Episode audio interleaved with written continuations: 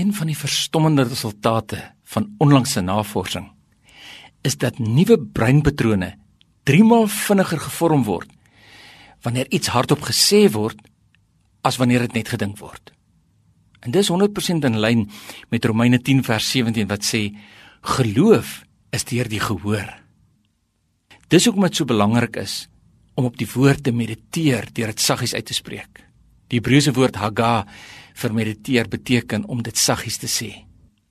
Nog nooit van tevore is soveel woorde elke dag op soveel platforms gebruik nie. Internet, blogs, e-pos, Facebook, Twitter, Instagram, LinkedIn, WhatsApp, selfoonboodskappe ensovoorts. Sal ons nie al hierdie platforms begin gebruik as kragtige instrumente in God se hande om 'n positiewe verskil in die wêreld te maak nie?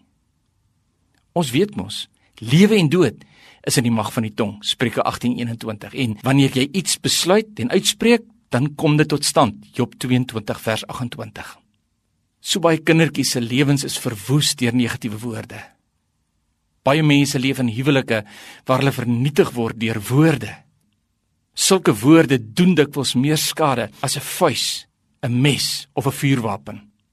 En al sê jy later jy's jammer, dan kan jy nooit daai negatiewe woorde terugtrek nie. Dr Masaru Emoto, 'n Japannese navorser, het 'n pot rys gekook en in twee verskillende bottels gesit. Op die een bottel het hy geskryf: "Baie dankie." En op die tweede bottel het hy geskryf: "Jou idioot." Natuurlik alles in Japanees. En toe vra hy skoolkinders om elke dag hardop te lees wat op daardie bottel staan wanneer hulle verbykom. En na 30 dae het die bottel met baie dankie op byna niks verander nie. Maar die bottel wat elke dag gehoor het, jou idioot. Daardie reis was donker en gemif. En soortgelyke toetse is ook met water gedoen en die resultate was dieselfde. Wanneer jy dus die waarheid van die Bybel koppel met wetenskaplike resultate soos hierdie, dan verstaan jy hoekom sommige Christene so sukkel om 'n oorwinning te leef.